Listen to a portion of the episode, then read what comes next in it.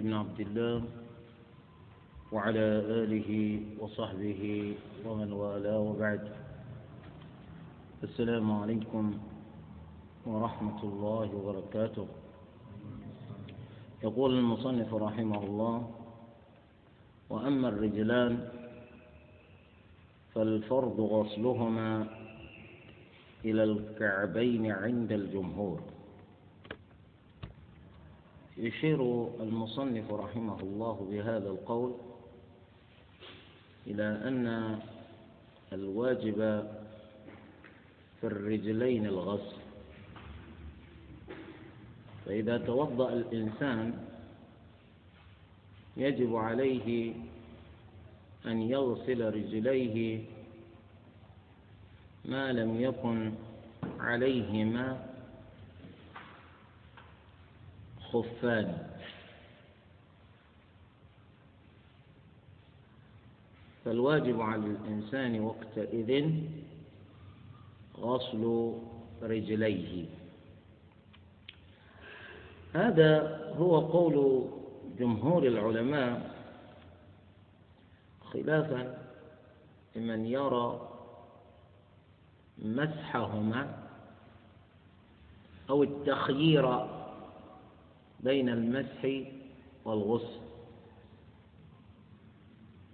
جمهور أهل السنة بما فيهم أئمة المذاهب الأربعة ذهبوا إلى أن الواجب في الرجلين الغسل. أما الشيعة فالذي هم عليه هو مسح الرجلين. فتجدونهم يمسحون على أرجلهم وليس بها وليست بها نعال. طبعا هذا هو الأليق بضلالتهم. أما احتجاجهم بقراءة وأرجلكم إلى الكعبين فهو عليهم لا لهم.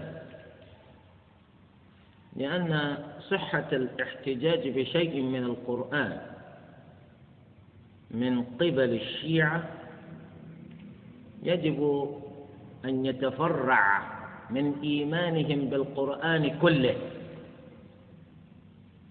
وأنه كلام الله كامل غير ناقص ولا منقوص. أما وهم على ما هم عليه من أن القرآن الذي بأيدينا ناقص ومنقوص وأن وأنه يوجد عندهم مصحف هو بحجم ثلاثة أضعاف ما عندنا من مصحف فليس لأمثال هؤلاء أن يحتجوا بشيء من القرآن. ليكون حجة لهم بل ينقلب. ليكون حجة عليهم. فيقول العلماء قراءة وأرجلكم إلى الكعبين عطف على فاغسلوا وجوهكم. فعطف ربنا المغسول على المغسول فكان ما يفعل للرجلين هو ما يفعل بالوجه.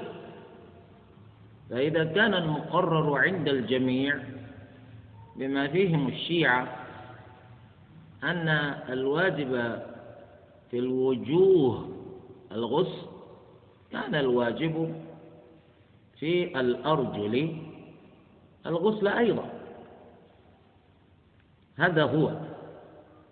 ثم إن علماءنا يقولون قراءة وأرجلكم وهي متواترة كذلك يقولون تحمل على المسح على الخفاف عند لبسها.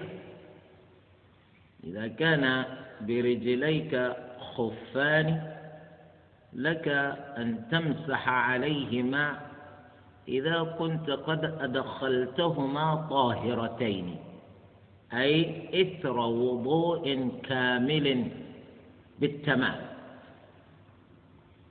في ذلك الوقت إذا أردت أن تتوضأ وضوءا آخر ووصلت إلى الرجلين لك أن تمسح على خفيك. فقراءة وأرجلكم تكون محمولة على المسح على الخفين. والقول بأن قراءة وأرجلكم إنما أتى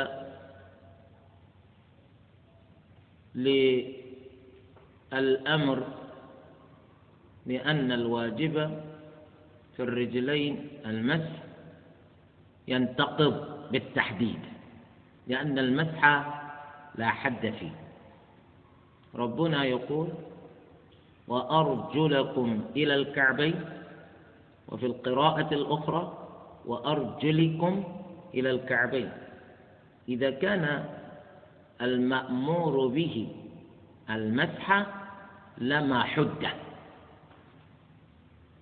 أما وقد حدد حده بالكعبين دل ذلك على أن على على أن الأمر ليس كما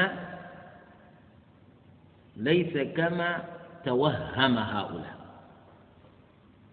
لأن المسح لا تحديد فيه. دليل أنك لو أردت أن تمسح على الخفين من أين إلى أين تمسح؟ من الذي حدد لك ذلك؟ هذا هو. أما الرجلان فالفرض غسلهما إلى الكعبين عند الجمهور. الجمهور المقصود بهم هنا جمهور الفقهاء بما فيهم فقهاء المذاهب الأربعة. فقهاء الحنفية والمالكية والشافعية والحنابلة. وقال الطبري وهو الإمام المشهور المعروف ابن جرير الطبري شيخ المفسرين فهو أيضا عالم جليل مجتهد وله آراء فقهية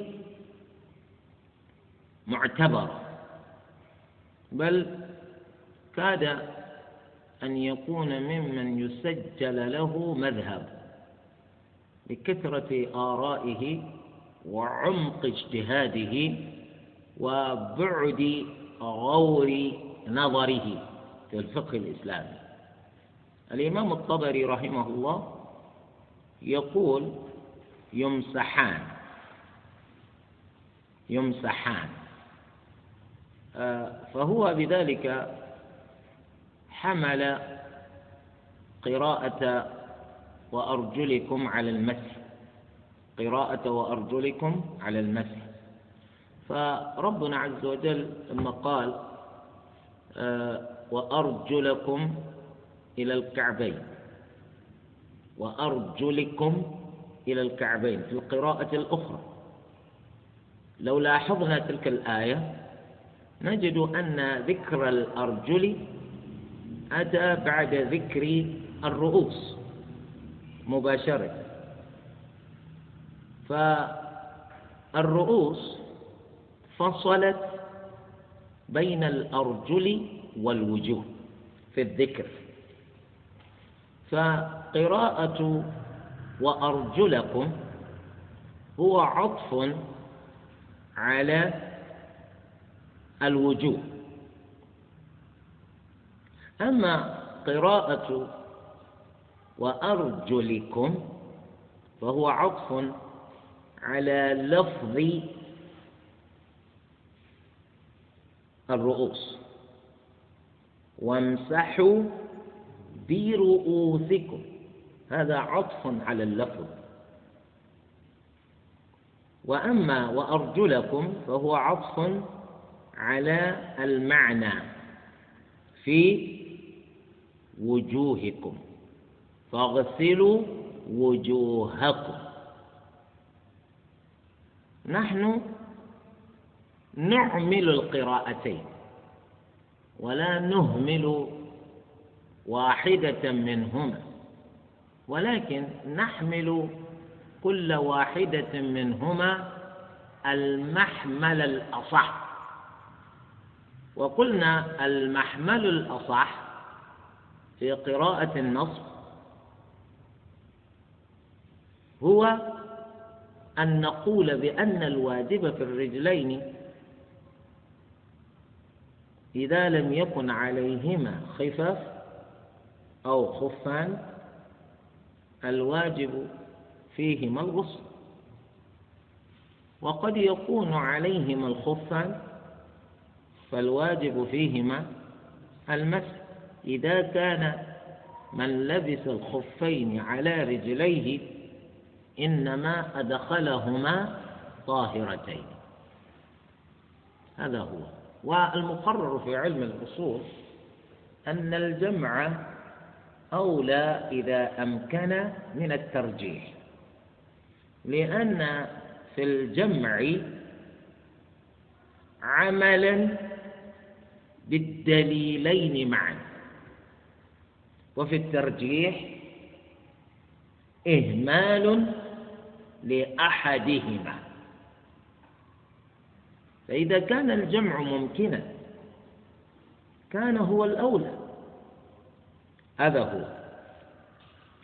طبعا الإمام ابن جرير الطبري رحمه الله يقول هذا وقد أتت رواية عن أمير المؤمنين علي بن أبي طالب رضي الله عنه أنه أيضا يقول في رواية عنه أن الرجلان تمسحان. أن الرجلا أن الرجلين تمسحان. يقول والكعبان لأن ربنا يقول وأرجلكم إلى الكعبين. يقول والكعبان هما اللذان في جانبي الساق. هما اللذان في جانبي الساق.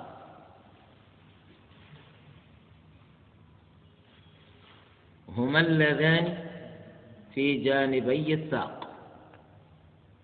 الساق في الإنسان هو هو الذي يمتد من الكعب إلى جهة الركبتين. فإذا كان الكعب أو الكعبان هما اللذان في جانبي الساق فيكون في كل رجل كعبان. لأن بكل إنسان لكل إنسان ساق واحد.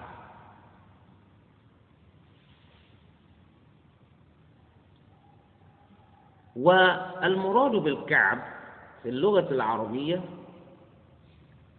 هو ما تناءى وظهر. أي ما تناءى وظهر. ظهر.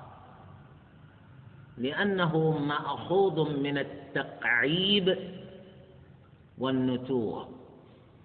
مأخوذ من التكعيب والنتوء. فأنت إذا نظرت إلى ساقك من الأسفل تجد أن عظما يظهر على جانبي ساقك. عظم على يمنى ساقك وآخر على يسرى ساقك. إذا في كل رجل كعبان. في كل رجل كعبان. قالوا لذلك قال ربنا وأرجلكم إلى الكعبين.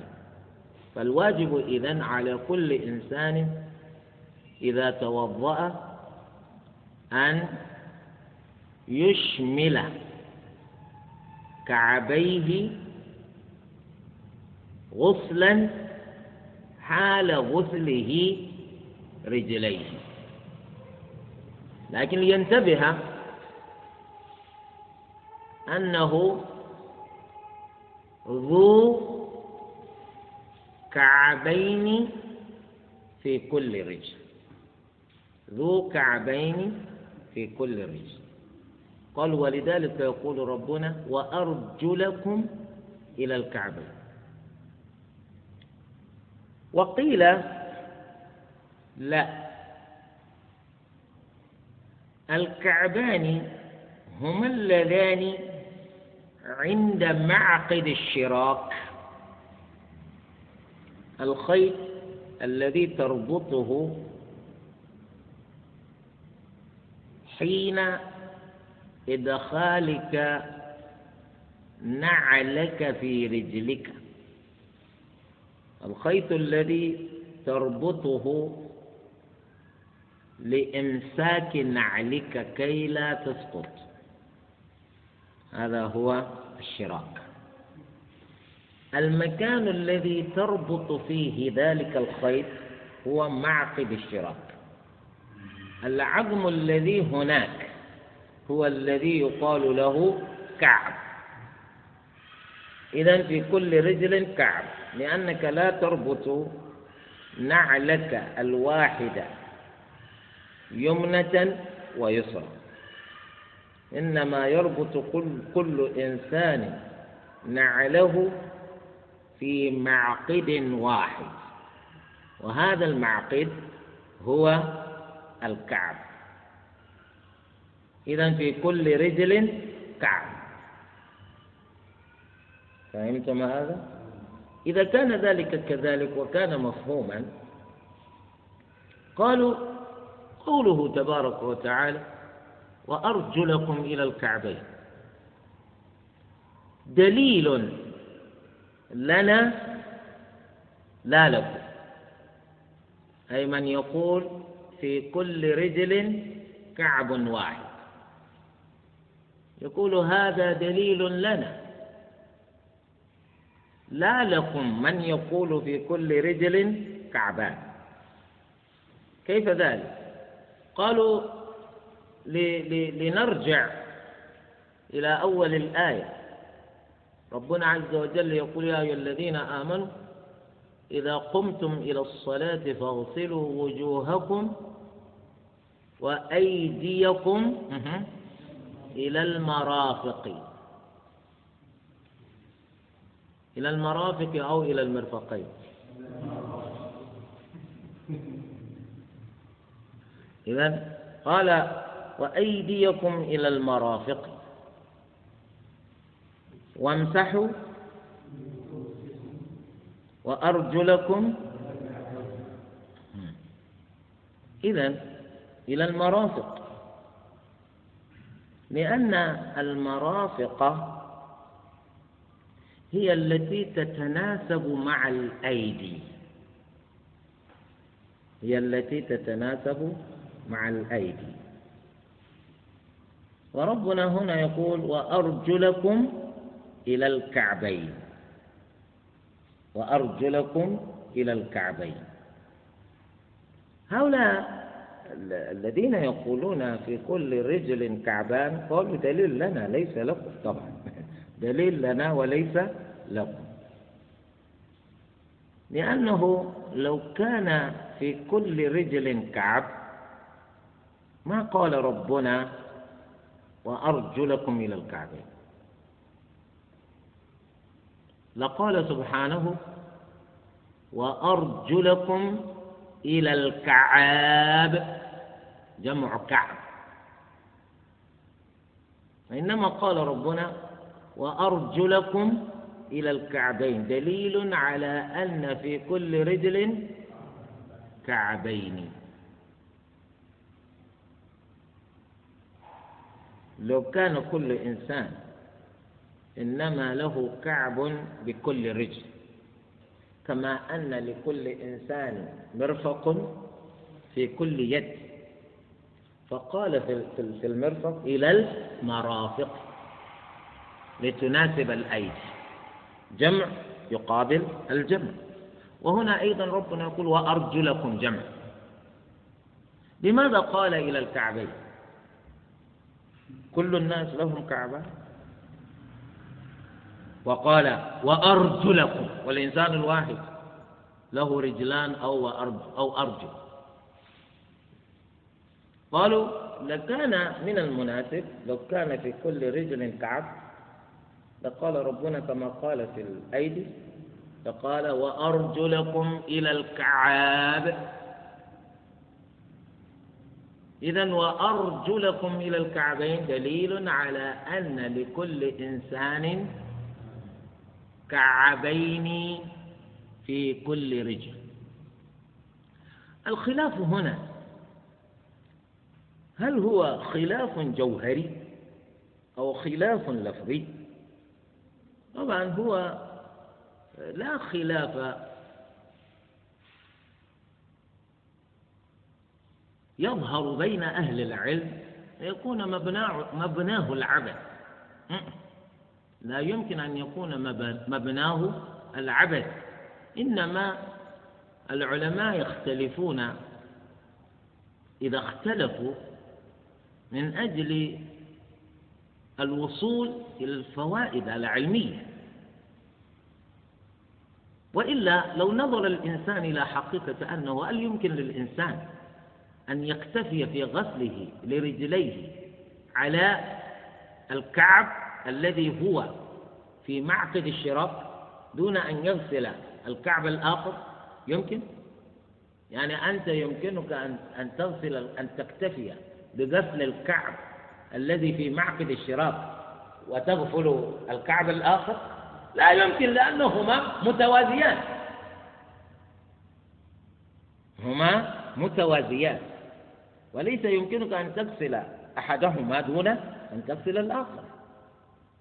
فالخلاف هنا آه، الذي يستنبطه الإنسان منه هو أنه من من حيث الفقه قد يبدو أنه خلاف آه، لا مغزى له.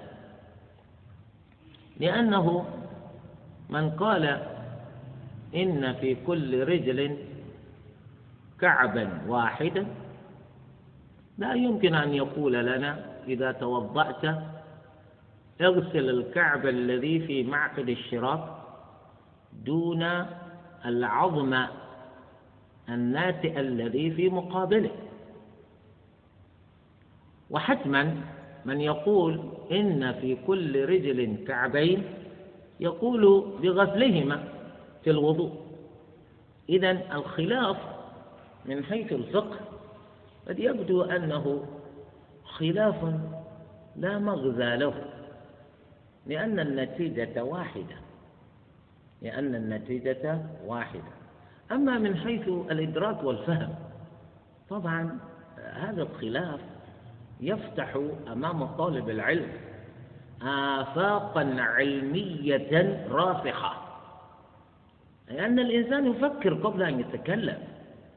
ليس تتكلم ثم بعد ذلك تفكر. خاصة إذا أردت أن تدلي بدلوك في مسألة علمية لابد أن يكون غور فكرك عميقا قبل أن تفوء بشيء. انظر إلى كيف استنبط. يقول لماذا ربنا يقول؟ وأرجلكم إلى الكعبين. المثنى لا يناسب الجمع. وهو سبحانه قال وأرجلكم آه، وأيديكم إلى المرافق. فقابل سبحانه الجمع بالجمع. لما لم يقابل سبحانه الجمع في الأرجل بجمع الكعب؟ وإنما سنة يقول في هذا تنويه تنويه وتنبيه على أن في كل رجل كعابين. إذا فهم هذا تفهم أن فيه فائدة. وإلا لقال سبحانه وأرجلكم إلى الكعاب. وانتهى. هذا هو. طبعا. يقول أما الفور فواجب مع الذكر. الفور في الوضوء هو أن تأتي بأعمال الوضوء على نسق واحد دون تفريق متفاحش. إذا بدأت بوضوئك تستمر فيه حتى تنتهي. أي لا تمسك عن غسل عضو بعد الفراغ من الذي قبله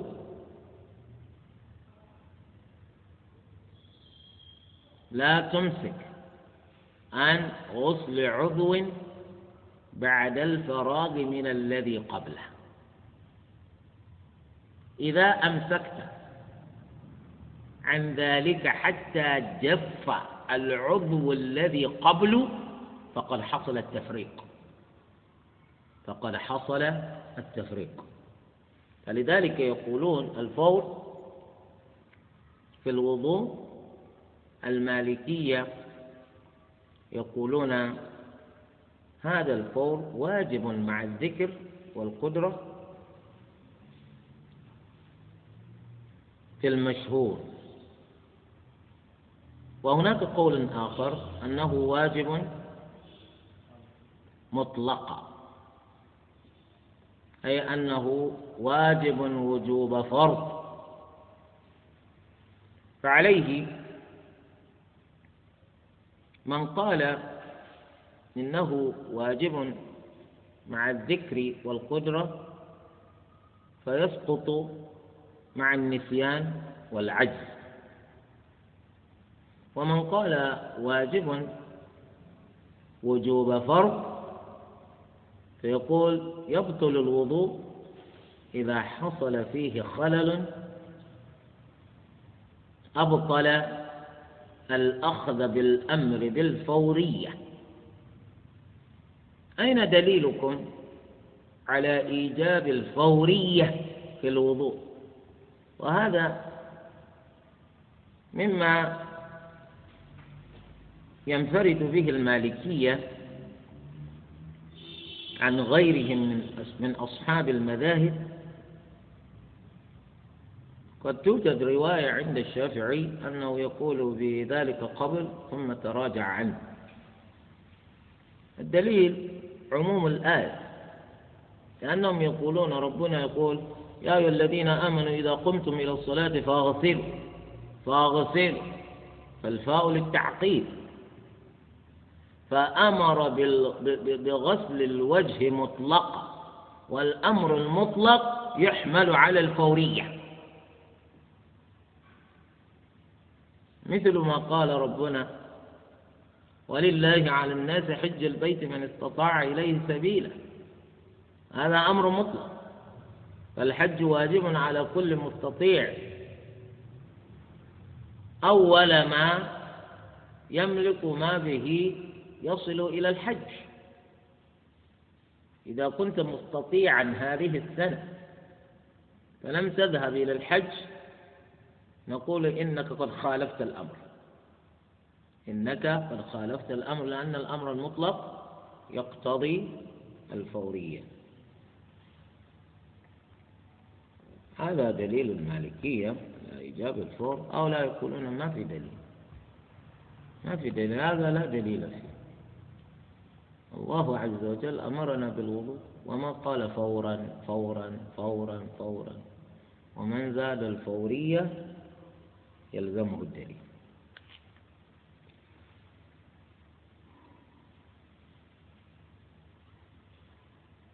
ولذلك قال وقيل هو سنة. وأسقطه الشافعي وأبو حنيفة.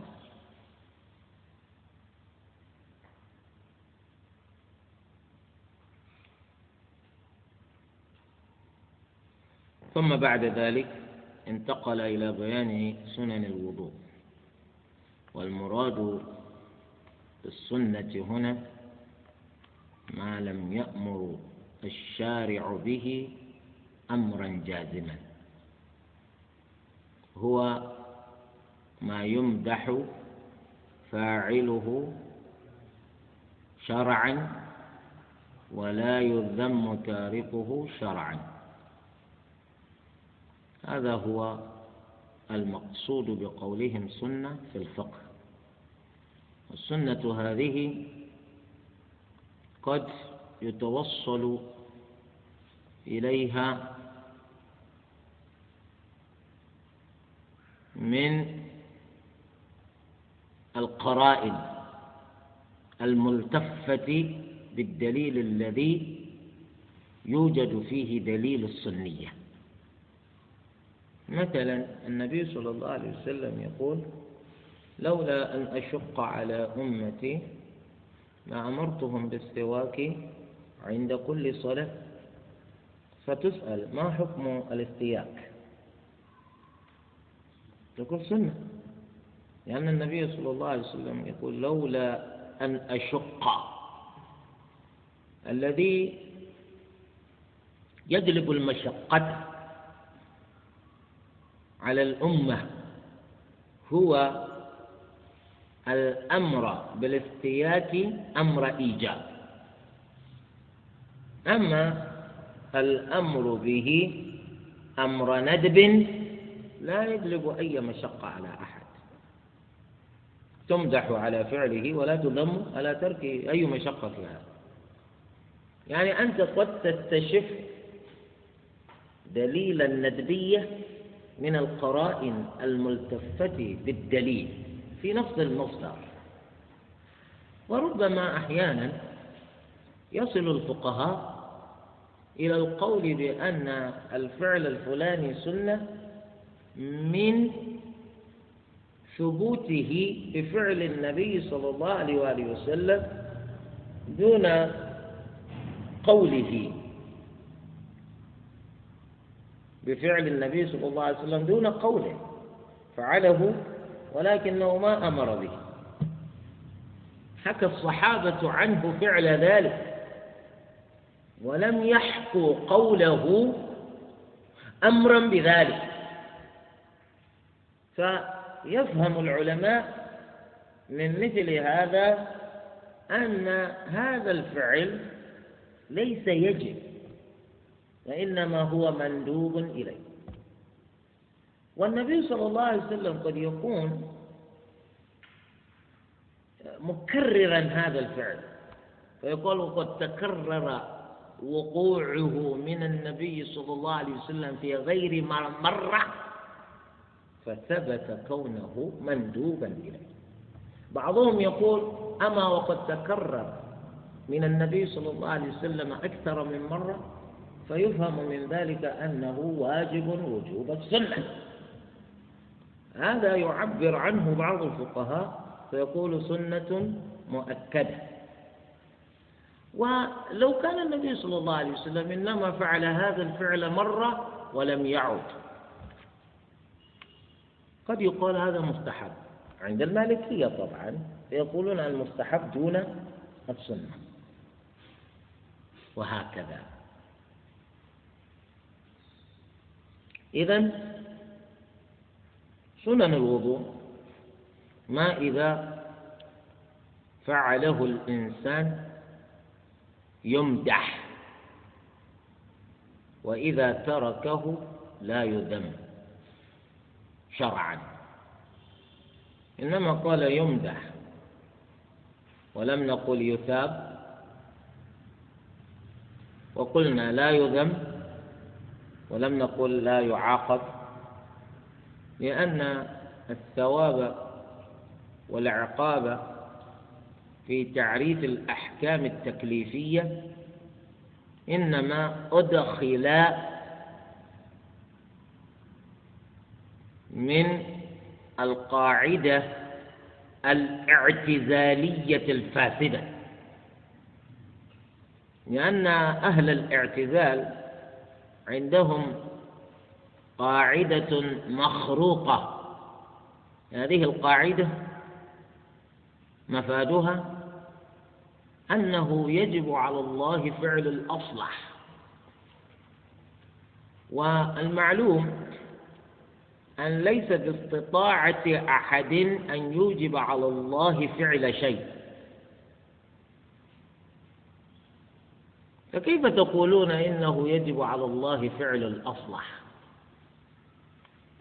فيقولون الواجب على الله فعله الذي هو الأصلح في حق المطيع أن يثيبه وجوبا. والواجب الذي يجب على الله فعله في حق العاصي هو أن يعاقبه وجوبا. هذه هي القاعدة الاعتزالية. وللأسف الشديد من هذه القاعدة الفاسدة المفسدة للعقول أخذ بعض من عرف الواجب وغيره من أفراد الأحكام التكليفية بما مبناه على الثواب والعقاب. من هذه القاعدة الفاسدة المفسدة أخذوا ذلك التعريف. قالوا الواجب ما يثاب على فعله ويعاقب على تركه والمحظور الحرام هو الذي يثاب على تركه ويعاقب على فعله. يقول المكروه هو الذي يثاب على تركه ولا يعاقب على فعله. المندوب هو ما يثاب على فعله ولا يعاقب على تركه. أما المباح فهو الذي يستوي فيه الطرفان الثواب والعقاب. هذا تعريف باطل مبناه على قاعدة فاسدة مفسدة للعقول. لأن الله عز وجل فعال لما يريد. قد يكون الإنسان فعلا يستحق أن يعاقب. فمن ذا الذي يقف بين يدي رب العالمين إذا أراد أن يعفو عنه؟ يعفو عنه ولا شيء. وقد يكون الإنسان بناء على ما يجيش في قلوبنا وعقولنا. يستحق العقاب يستحق الثواب لأنه ما شاء الله مؤمن إمام ويكون بالفعل ظاهرا وباطنا مؤمنا. ولكن أراد ربنا أن يعاقبه. من الذي يقول له لا تعاقبه؟ إذا عاقبته فهذا ظلم. من يقول هذا؟ لأنه فعال لما يريد. ولذلك التعريف الصحيح أن نقول ما أن, أن نعرف هذه الأحكام التكليفية على ما مبناه على المدح والذم. ما مبناه على المدح والذم لأنه أعم من الثواب والعقاب. أعم من الثواب والعقاب وأخف من الثواب والعقاب. ولا يترتب عليهما ما يترتب على القول بتعريفها بما مبناه على الثواب والعقاب. هذا هو. يقول وهي ست. طبعا وهي ست هذا قوله هو. وإلا في كثير من كتب المالكية يوصلون سنن الوضوء إلى أكثر من ست. ربما يقول لك ثمان. وهكذا. إذا هذا أمثال هذه الأشياء لأنه هكذا فعل حين تكلم عن واجبات الوضوء. قال ست نقول وقلنا في كثير من كتب المالكية يقولون سبعة. فتحديد هذه الأشياء بأرقام مما يختلف فيه وجهات النظر. يعني بعض الناس يقول ثلاثة بعضهم يقول أربعة بعضهم يقول سبعة بعضهم يقول عشرة.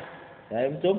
لأنه هذا مما تختلف فيه وجهات النظر ولا مؤاخذة في ذلك. يعني الاجتهاد إذا أوصلك إلى شيء فأنت تمسك بذلك. وإذا أوصل غيرك أو غيرك اجتهاده إلى خلاف ما توصلت إليه باجتهادك ليس لك أن تلومه. أنت تمسك بخمسة ويتمسك بستة. أنت تتمسك بعشرة ويتمسك بسبعة.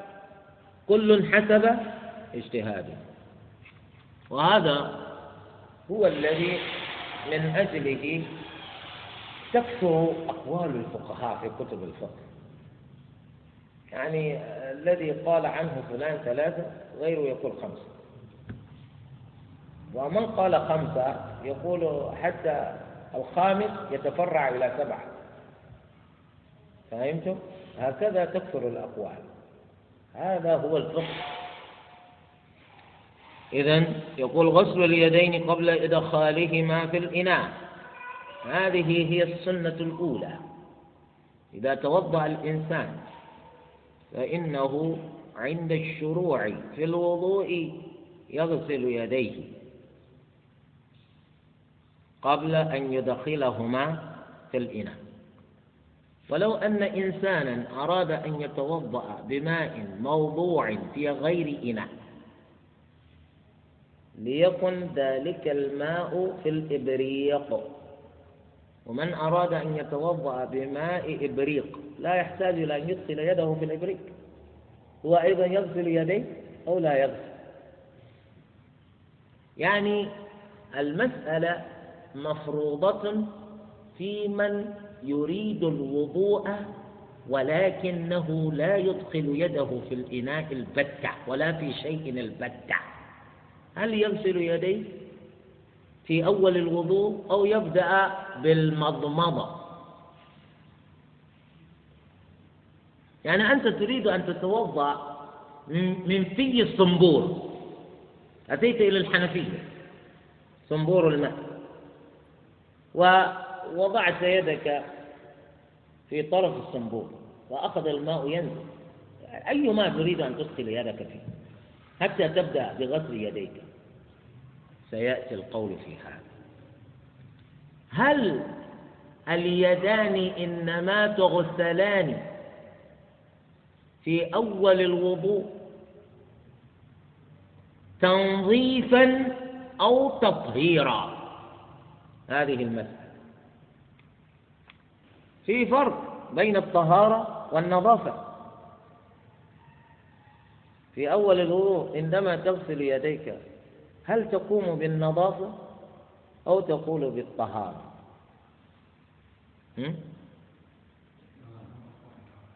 إذا كان بالطهارة إذا كل من أراد أن يتوضأ يبدأ بغسل يديه سواء يدخل يده في الإناء أو لا يدخلهما في الإناء.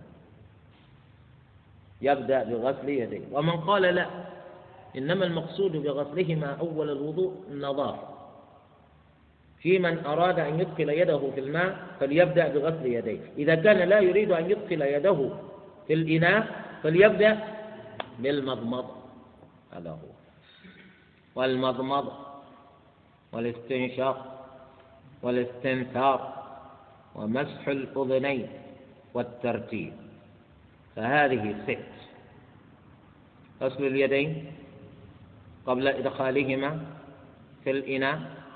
ثانيا المضمضة. ثالثا الاستنشاق. رابعا الاستنثار. خامسا مسح الأذنين. سادسا الترتيب.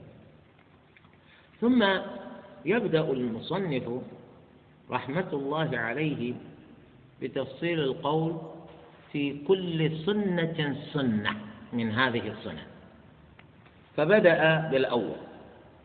فأما غسل اليدين قبل إدخالهما الإناء فمسنون عند الثلاثة.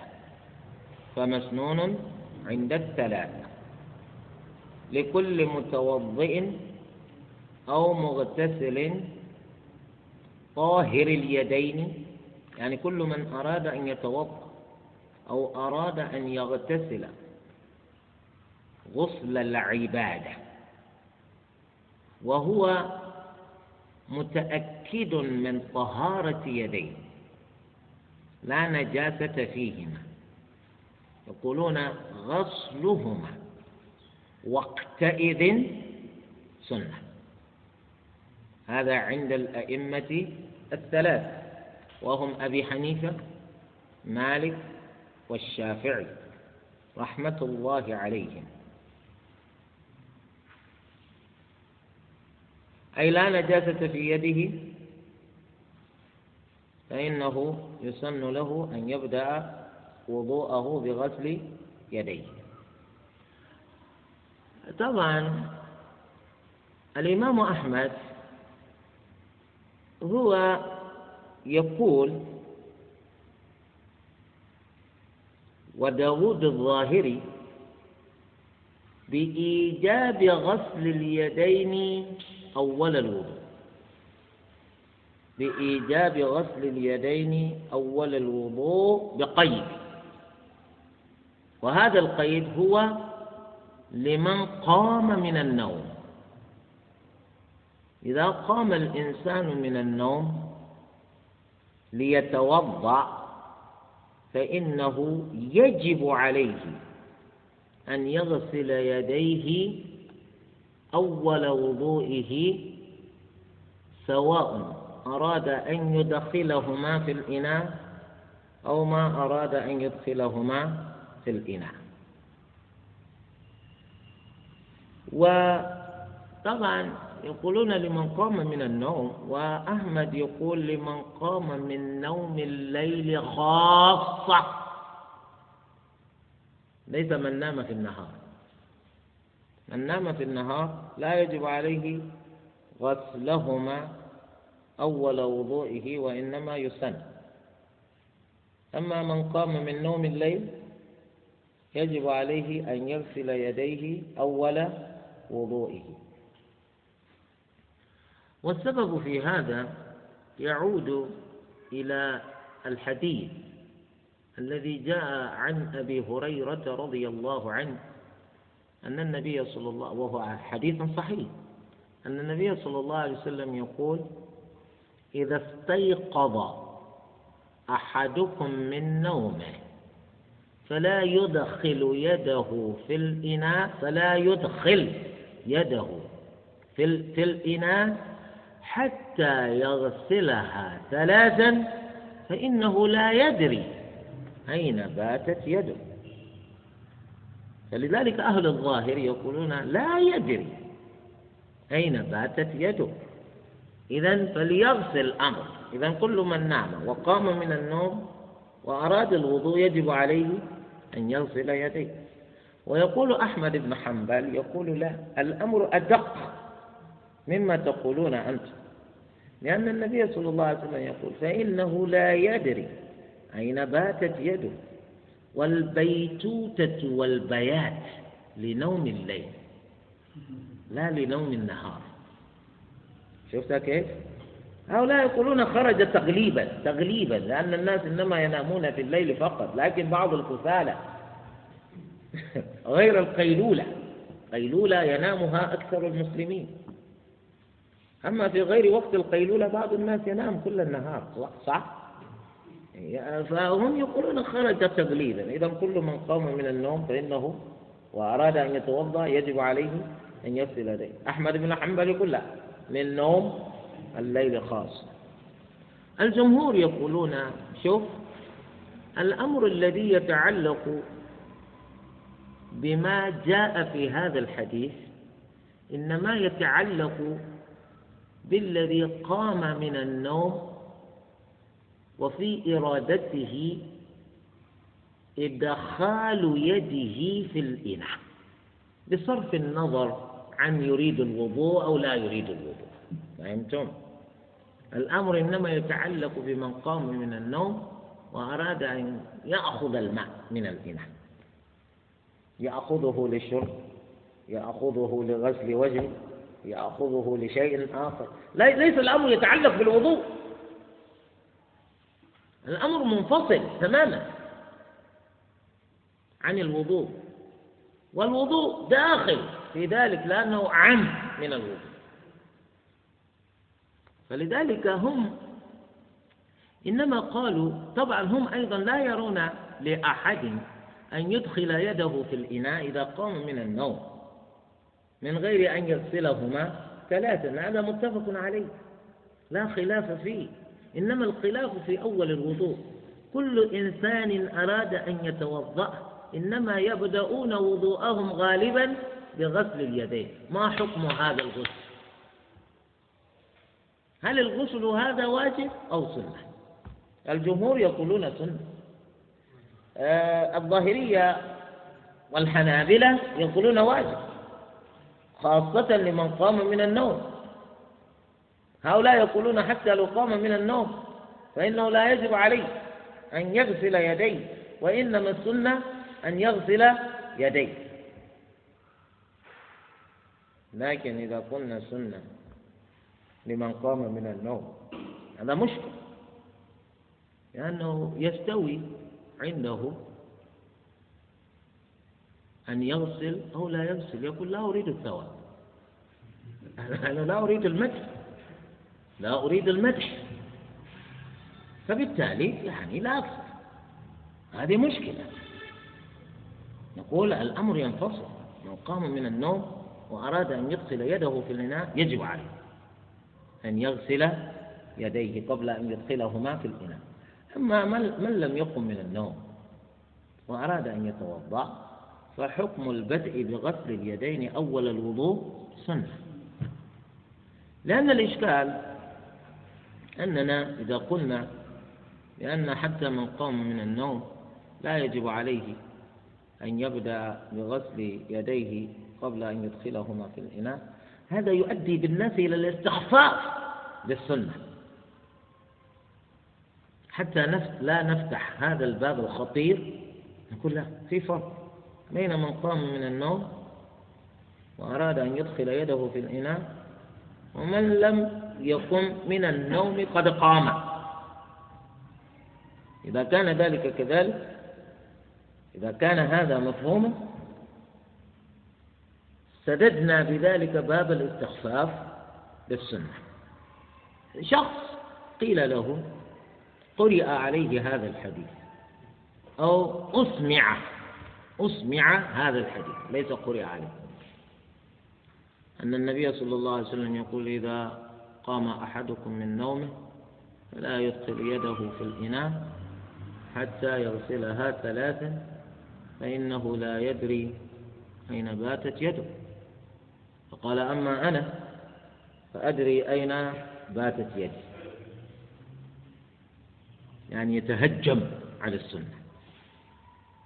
خلاص. فنام بعد ذلك.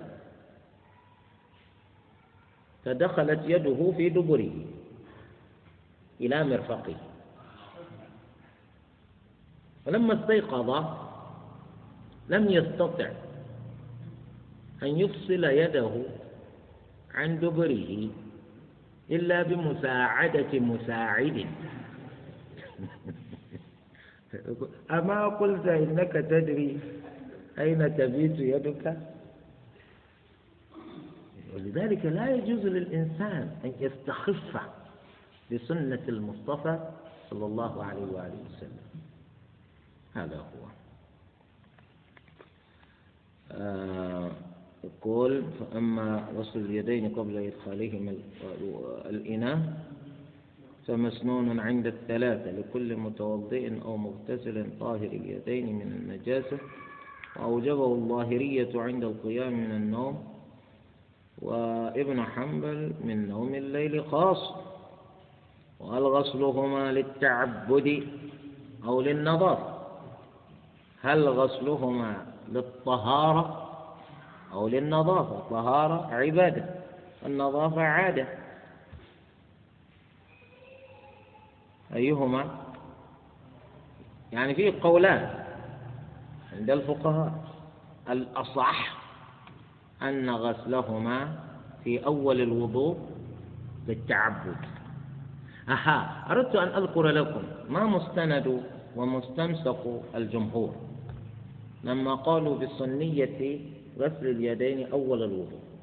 قالوا ما ما وردت به السنة من صفة وضوء النبي صلى الله عليه وآله وسلم فإن تلك الصفة قد تواترت في أحاديث كثيرة أن الصحابة رضوان الله عليهم حين وصفوا وضوء النبي صلى الله عليه وآله وسلم كلهم وصفوه وأنه إنما يبدأ وضوءه بغسل يديه ثلاثا إذا هذا دليل سنية.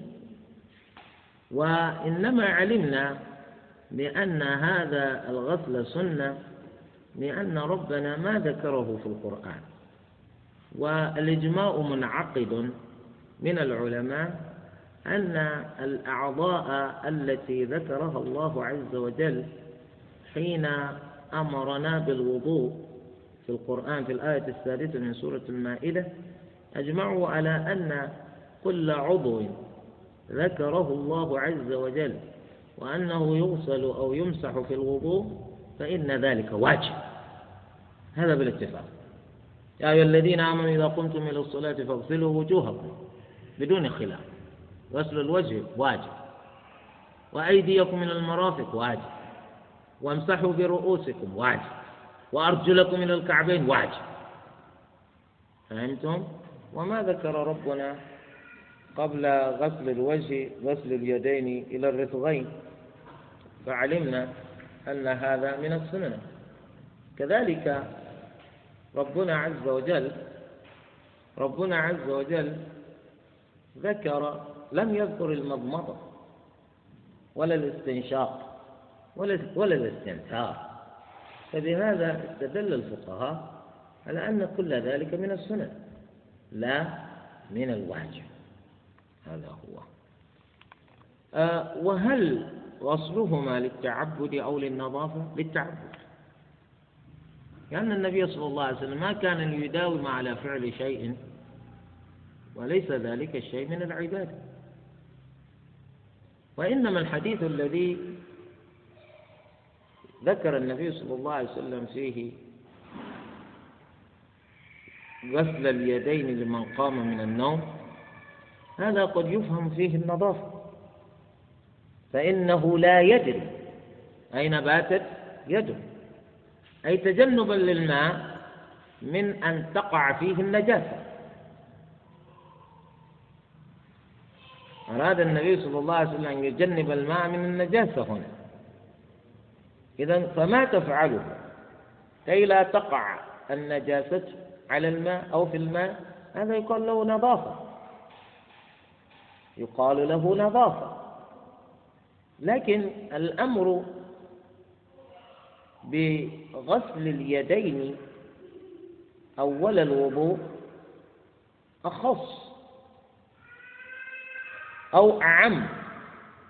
أعم من الأمر بغسلهما عند القيام من النوم. لأن الوضوء يفعله من قام من النوم ومن لم يقم من النوم. والذي ثبت عن النبي صلى الله عليه وسلم أنه كان يبدأ وضوءه دائما بغسل يديه. ولا ولا أحد من الصحابة الذين وصفوا لنا وضوءه يقول إذا قام من النوم كان يبدأ إذا قام من النوم كان لا. كان النبي صلى الله عليه وسلم في الجهاد يوم الأحزاب. فالكفار أشغلوا النبي صلى الله عليه وآله وسلم عن صلاة العصر وعن صلاة المغرب أو عن صلاة الظهر والعصر والمغرب. فتوضأ النبي صلى الله عليه وآله وسلم. ما كان ينام هو في جهاد. مع ذلك بدأ بغسل يديه.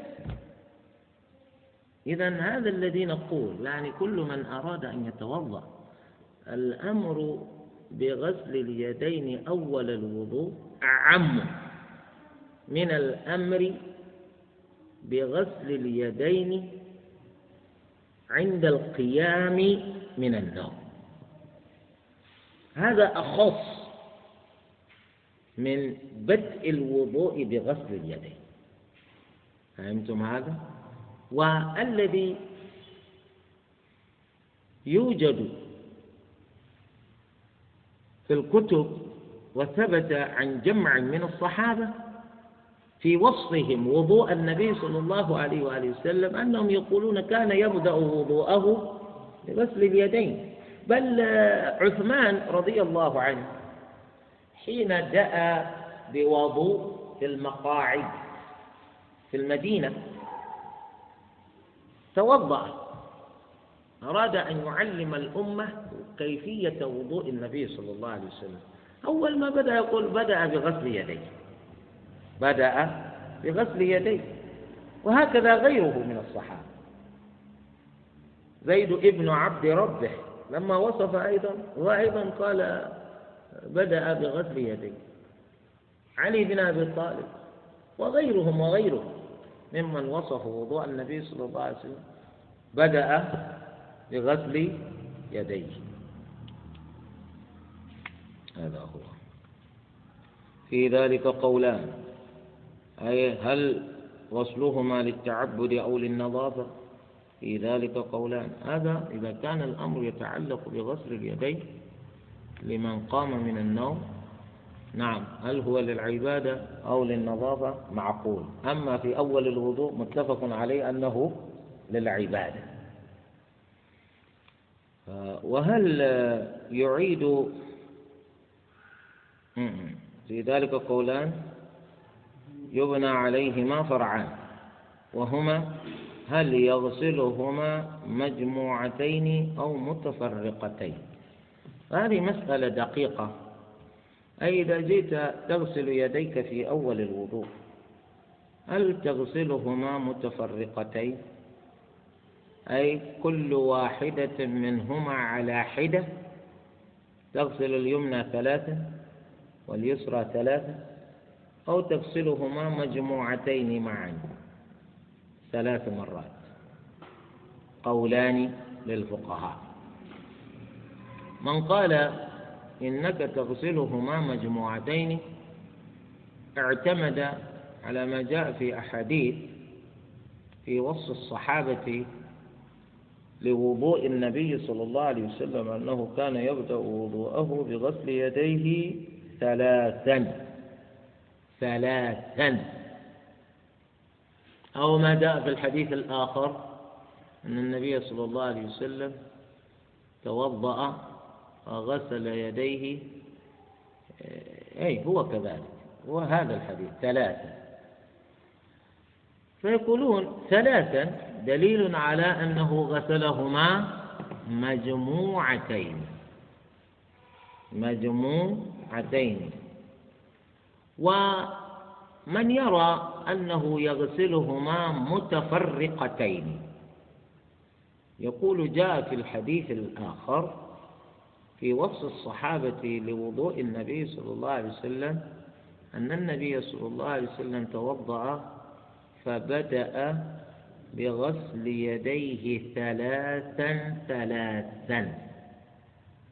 والتكرار تكرار العدد في اللغة العربية دليل على التفريق. دليل على التفريق. يعني غسل يديه ثلاثا ثلاثا.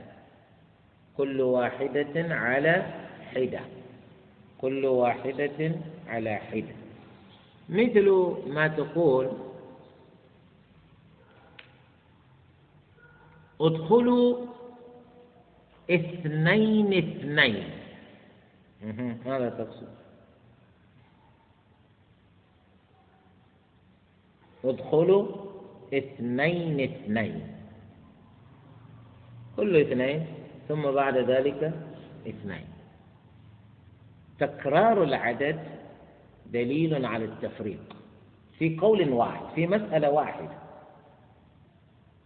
في مسألة واحدة إذا كررت العدد مرتين دليل على التفريق.